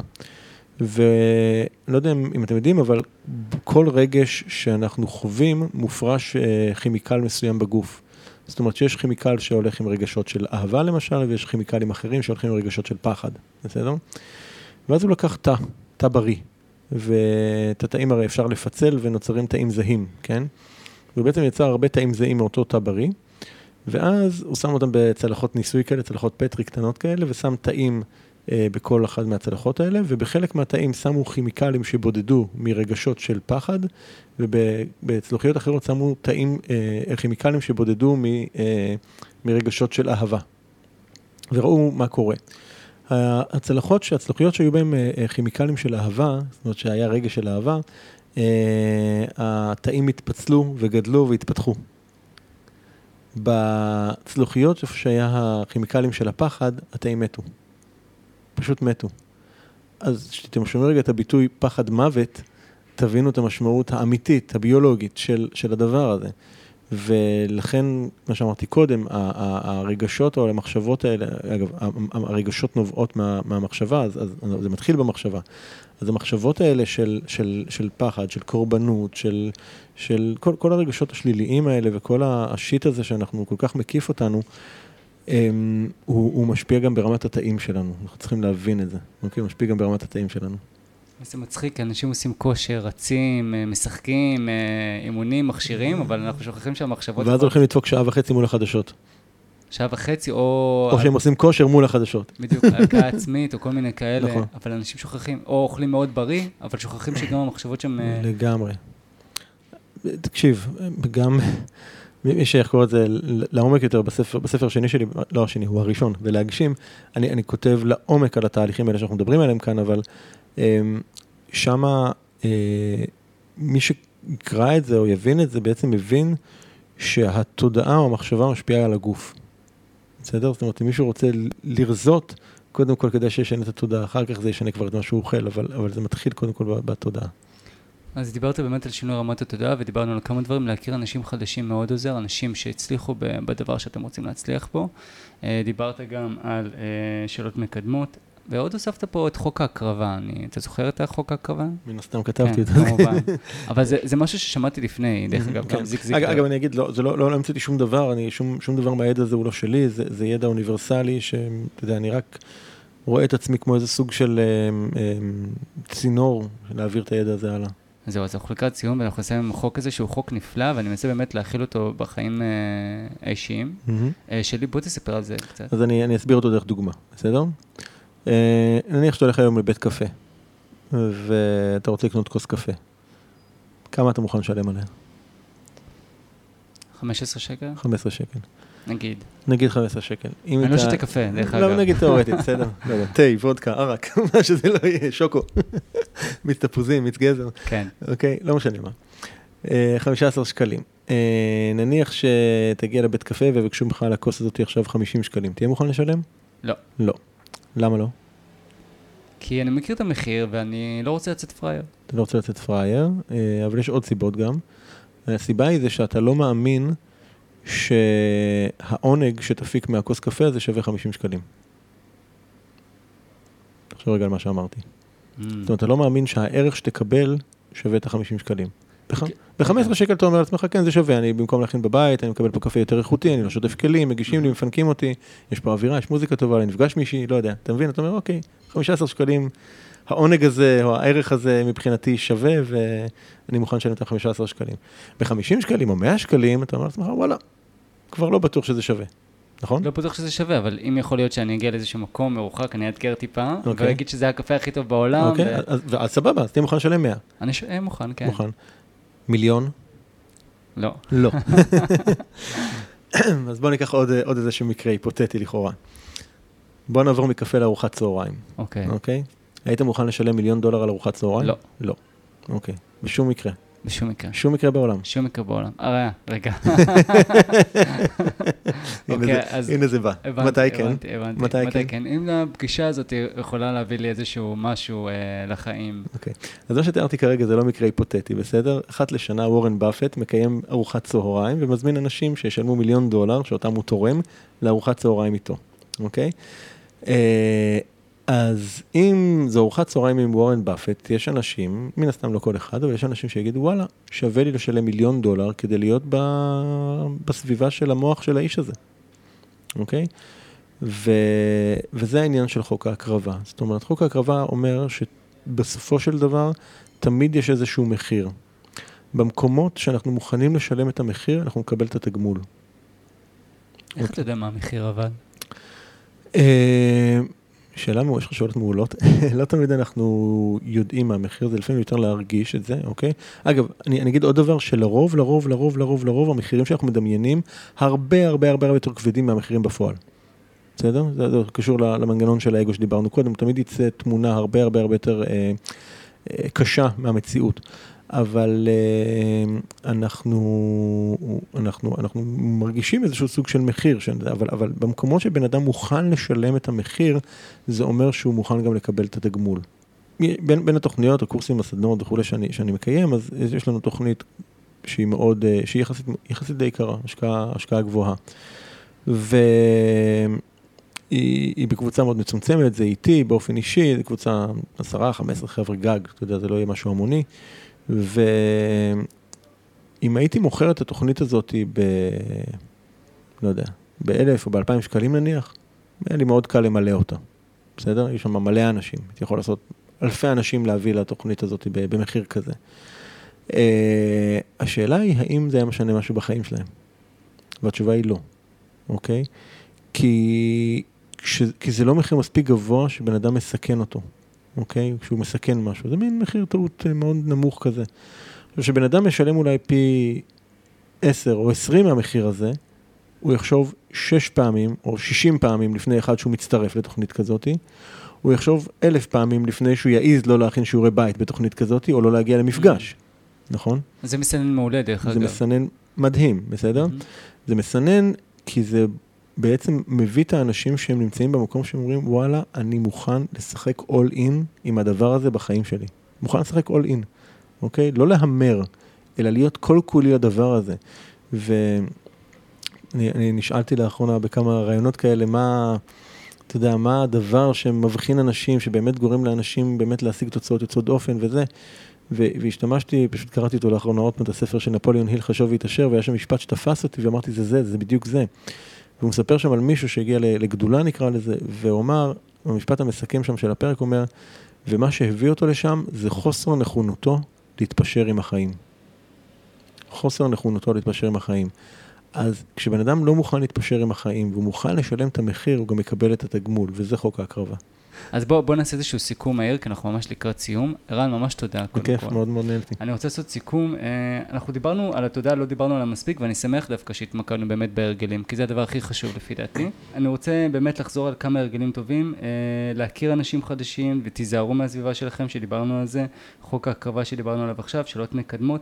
היו עוד כל כך הרבה דברים שרציתי לדבר איתך, למשל על אנרגיה גבוהה ועל להיחשל קדימה, Mhm. שדיברת על זה, שזה היה גם כן איזשהו... אתה יודע מה, בוא ניגע בזה באמת. בלהיחשל קדימה? זה אחד אה, הדברים החשובים ביותר. מאוד חשוב, אני, דיברתי קודם על השרירים שצריך לפתח, אז שריר הכישלון זה אחד השרירים שמאוד מאוד מאוד כדאי לפתח אותו. מה זה אומר? זה היכולת שלי להכיל כישלון. רוב האנשים מבועתים מהמחשבה שהם ייכשלו במשהו, ואז בגלל שהם מבועתים הם לא עושים. הם לא עושים, הם נתקעים באותו מקום, והם לא זזים, והם לא עושים שינוי. אמ, בתוכניות שלנו אנחנו ממש, אה, אה, נגיד בעושים שינוי, אני עושה, יש תהליכים ותרגילים שהם בהגדרה, אנחנו יודעים ורוצים שאנשים ייכשלו בהם. מהמם. אוקיי? אנחנו, אנחנו יוצרים שם משבר מכוון, כי אני רוצה שבן אדם יבין מה זה אומר ליפול, להיכשל, ומה זה אומר לקום ולהתאושש. אוקיי? וזה... זה... יש לך דוגמה למשהו שמישהו עכשיו שמאזין לנו יכול לעשות כדי לאמן את השריר הזה? אה, שוב, עכשיו, זה, זה, אני רק, בוא נגיד, אני לא רוצה שאנשים ייכשלו בדברים, אה, אתה יודע, דרמטיים, שיאבדו בית, בסדר? לא, לא על זה, לא על זה אני מדבר. אבל אה, יש לי עכשיו לקוח בסיטואציה שהוא הפסיד איזשהו סכום מסוים של כסף, בסדר? וזה כישלון, וזה כואב, ווואלה, הוא יצמח מזה. הוא יצא בן אדם הרבה יותר חזק מהדבר הזה, הוא ידע להכיל את זה, הוא ידע... מה זה אומר, הוא השקיע באיזושהי מניה? מה אה, הוא לא, עושה? לא משנה כרגע הפרטים, אבל כן, הוא עושה איזשהו מהלך אה, עסקי שלא צלח, בסדר? והפסיד את הכסף. הבנתי. ושוב, זה לא סכום שימוטט אותו, בסדר? הוא לא איבד בית, זה עדיין כואב, אי אפשר לקחת את זה. אבל uh, הוא, הוא, הוא היום גם כבר מבין בעצמו שזה משהו שייקח אותו מאוד מאוד רחוק, היכולת שלו להכיל את הדבר הזה. זה כמו, אתה יודע, להבדיל, זה כמו שאתה uh, הולך לחדר כושר, נכון? ואתה רוצה עכשיו, לא יודע, להרים, uh, לא יודע, 50 קילו, בסדר? לא הרמתי גרם מימיי, איך אתה לא יכול להגיע ל-50 קילו, נכון? מה אתה עושה? אתה מתחיל בקילו, שניים, נכון? אתה עכשיו אתה מפתח את השריר, ואז פתאום חמישה קילו, ופתאום עשרה קילו, זאת אומרת, יכולת ההכלה שלך היא גדלה. אותו דבר עם כישלונות. ואז קורים כל מיני דברים שהם כבר לא, אתה לא תופס אותם ככישלונות, אתה תופס אותם כטעויות ואתה מתקן. וואו. אתה מתקן, אתה פשוט, זה לא, זה לא כישלון, יש משהו במילה כישלון שהיא כן. כל כך אה, אישית נגדנו. אני כישלון. לא, עשיתי טעות. הרי, הרי, הרי תבין מה הקטע, הרי ברור לך, אני אקח את הדוגמה של אותו לקוח. הרי ברור שהוא לא היה עושה בכוונה השקעה גרועה לאבד את כספו, נכון? הוא פעל על פי מיטב הידע והניסיון. וההבנה שהייתה לו ברגע שהוא קיבל את ההחלטה. היום הוא יודע אחרת, אבל אתה לא יכול לשפוט את עצמך היום על בסיס ידע שלא היה לך אז. אתה לא יכול לשפוט את עצמך היום על פי ידע שהיה לך אז. כן. אז היה לך, When you know אז better, ידעת you do פחות. better, כן? כן, ידעת פחות, אז כאילו אתה... מה אנג'לו? כן. אז אני, אני חייב לדעת, כי אני, אני אגיד לך מה, אני חושב שאני גם קצת אה, טועה בזה, אני לא בא- באתי להגיד נכשל, אבל אה, כדאי לא להשתמש בזה, אבל אני אומר, טועה, טועה. אני גם כן, אני גם כן אה, מבועת. Mhm. מבועת מכישלונות ומהכל, ואני אומר לעצמי, וואו, גם אני רוצה לאמן את השריר הזה. נכון. אז יש את ההשקעות כספיות פה ושם, מה עוד אפשר לעשות כדי לאמן? כל שריר? דבר, אני לא יודע, להציע למישהי לצאת לדייט. Mm, זה גם סוג, אתה יודע, אתה יכול לקבל דחייה. עכשיו, איך אתה מתמודד עם זה? מהמם. אני, חושב שהכותרת כאן זה, להוציא את הדרמה מהעניין, בסדר? זאת אומרת, להוציא את הדרמה מהכישלון, או להוציא את הדרמה מה, מה, מזאת שאמרה לך לא לדייט. אוקיי, אז אז הצעת לה, לא מצא חן בעיניה, לא, לא הסתדר, סבבה, נקסט, כאילו. זה, זה על אותו משקל, בסדר? זה, זה, הבעיה שאנחנו מחזיקים בדרמה הזאת, ואז זה הופך להיות דרמטי. ואז אנחנו מפחדים לעשות בפעם הבאה, ואז, ואז הפעם הבאה שתנסה, לא יודע, לעשות איזשהו מהלך, או ננסה לפנות למישהו, מה שזה לא יהיה, אתה, אתה תחשוב 700 אלף פעם אם לעשות את זה, לא לעשות את זה, ואתה תגיע מהוסס, ואתה אתה תגיע אה, מפוחד, והפחד הזה ישתקף גם בתוצאות, כן? כי, כי, כי כשאתה פונה למישהו, שאתה עושה מהלך מתוך פחד, המהלך הזה לא יצלח, מהמם. הוא לא יצלח. וואי, זה היה חלק גדול בפודקאסט הזה, בפרק הזה, הקטע הזה של אה, להתמודד עם הפחד ולכתוב אותו ולהוריד את הדרמה, כמו שאמרת. כן. להפחית את הדרמה מכל השיט הזה שמסתובב נכון. לנו בראש. נכון? אז ירן, ממש תודה, בכיף. באמת תודה, ואני רוצה לשאול אותך מה, עם, מה, עם כל מה שדיברנו, מה אתה חושב, מה כדאי, מה אתה רוצה שהמאזינים יצאו. אחד הדברים החשובים ביותר לדעתך. אמ, תראה, דיברנו פה על מלא דברים, זה היה קורס אה, מזורז כזה, אבל אה, אה, מכל, אני בטוח שכל אחד תפס אותו פה משהו ספציפי, בסדר? אז אני לא יודע לדבר על משהו אחד, כי אני בטוח שכל אחד תפס אותו משהו ספציפי. מה שאני מזמין את האנשים לעשות, זה רגע לחשוב רגע, כאילו, שיסתיים פה הפרק, זה לקחת רגע דקה עם עצמם, לחשוב על כל הדברים שדיברנו עליהם, ולראות מה הדבר שהכי תפס אותם, בסדר? כי באמת היו פה הרבה, הרבה דברים. ו... ואז סביב הדבר הזה לחשוב מה הפעולה, הפעולה, כבר איזושהי פעולה הקונקרטית שהם יכולים לעשות היום, לא מחר, לא עוד שבוע, לא עוד חודש, היום. הכי קטנה שיש, בסדר? לא, לא צריך פה איזשהו פרויקט, פעולה הכי קטנה שיש. לשלוח הודעה בפייסבוק. לשלוח הודעה בפייסבוק, לעשות חיפוש בגוגל, להגיד למישהו איזה משפט, להרים טלפון למישהו, לא יודע. מה שזה לא יהיה, בסדר? לזרוק קופסת סיגריות, לא יודע, אוקיי? הפעולה הכי קטנה, ולעשות אותה. פשוט לעשות אותה, אם אתם רוצים לאתגר את עצמכם בשעה הקרובה, בסדר? בשעה, ב-24 שעות הקרובות, גם כן אפשר. בשעה הקרובה, אל תיתן להם אוקיי, הנחה, אני אענה בשעה. הקרובה, בשעה הקרובה, בסדר? הכי קטן שאפשר. הכי קטן, הכי קטן, הכי קטן. תראו מה קורה אחרי זה. יואו, זה נפלא, נהדר, מדהים, מקסים. ערן, אני ממש מודה לך. בוא, בוא תספר לאנשים, סיפרת קצת במהלך הפודקאסט, אבל בוא תספר באמת איפה עוד אפשר למצוא אותך. אז קודם כל, אה, אה, האתר שלי זה ערן סטרן, זה e-r-a-n-s-t-e-r-n.co.il, או שתקישו, אה, בדרך כלל אם תקישו בעברית ערן שטרן, או תוסיפו את המילה להגשים, תגיעו אליי גם כן, זה השם של הספר הראשון, אז הוא די, אה, גוגל מכיר אותו ומוקיר אותו. אה, כמובן גם בפייסבוק, אה, eran.stern, זה הפרופיל האישי שלי, אני, אני בעיקר בפרופיל האישי, אני פחות בדף העסקי. אה, יש לי פודקאסט שנקרא כסף טוב, אה, שיחות עם אה, יזמים ואנשים שמשנים את העולם, שיחות מרתקות. אני יכול לתת לך פה בחשיפת די בכורה, שממש בקרוב אני משיק פודקאסט נוסף, שיקרא עושים שינוי. אז יכול להיות שאתם מאזינים לדבר הזה, יכול להיות שהוא כבר יהיה שם קיים איזשהו בספוטיפיי וכל הפלטפורמות, שזה בעצם פודקאסט שבו אני הולך לראיין אנשים מעניינים על תהליכי שינוי וטרנספורמציה משמעותיים שהם עשו בחיים שלהם. ושני הספרים, הספר הראשון להגשים, להתעורר, גם באתר שלי אפשר למצוא, גם בחנויות הספרים. אמ, זהו, כאילו, יש, אפשר, אפשר למצוא, יש לנו הרבה מאוד, אה, אני בעצם 15 שנים כבר מייצר תוכן, אז אה, אפשר להיכנס לאתר שלי ולצלול בו לכמה שנים טובות. מצוין, מצוין, היה לי באמת תענוג. אז תודה לך, ערן, תודה שהגעת. תודה על ההזמנה, היה ממש כיף. תודה על הרעיון המדהים הזה, ותודה על כל הטיפים והתובנות הנהדרות האלה שקיימות גם בספר, להתעורר, וגם בספר שלך להגשים. ותודה לכם שהאזנתם, ונתראה בפרק הבא. ביי, להתראות. להתראות.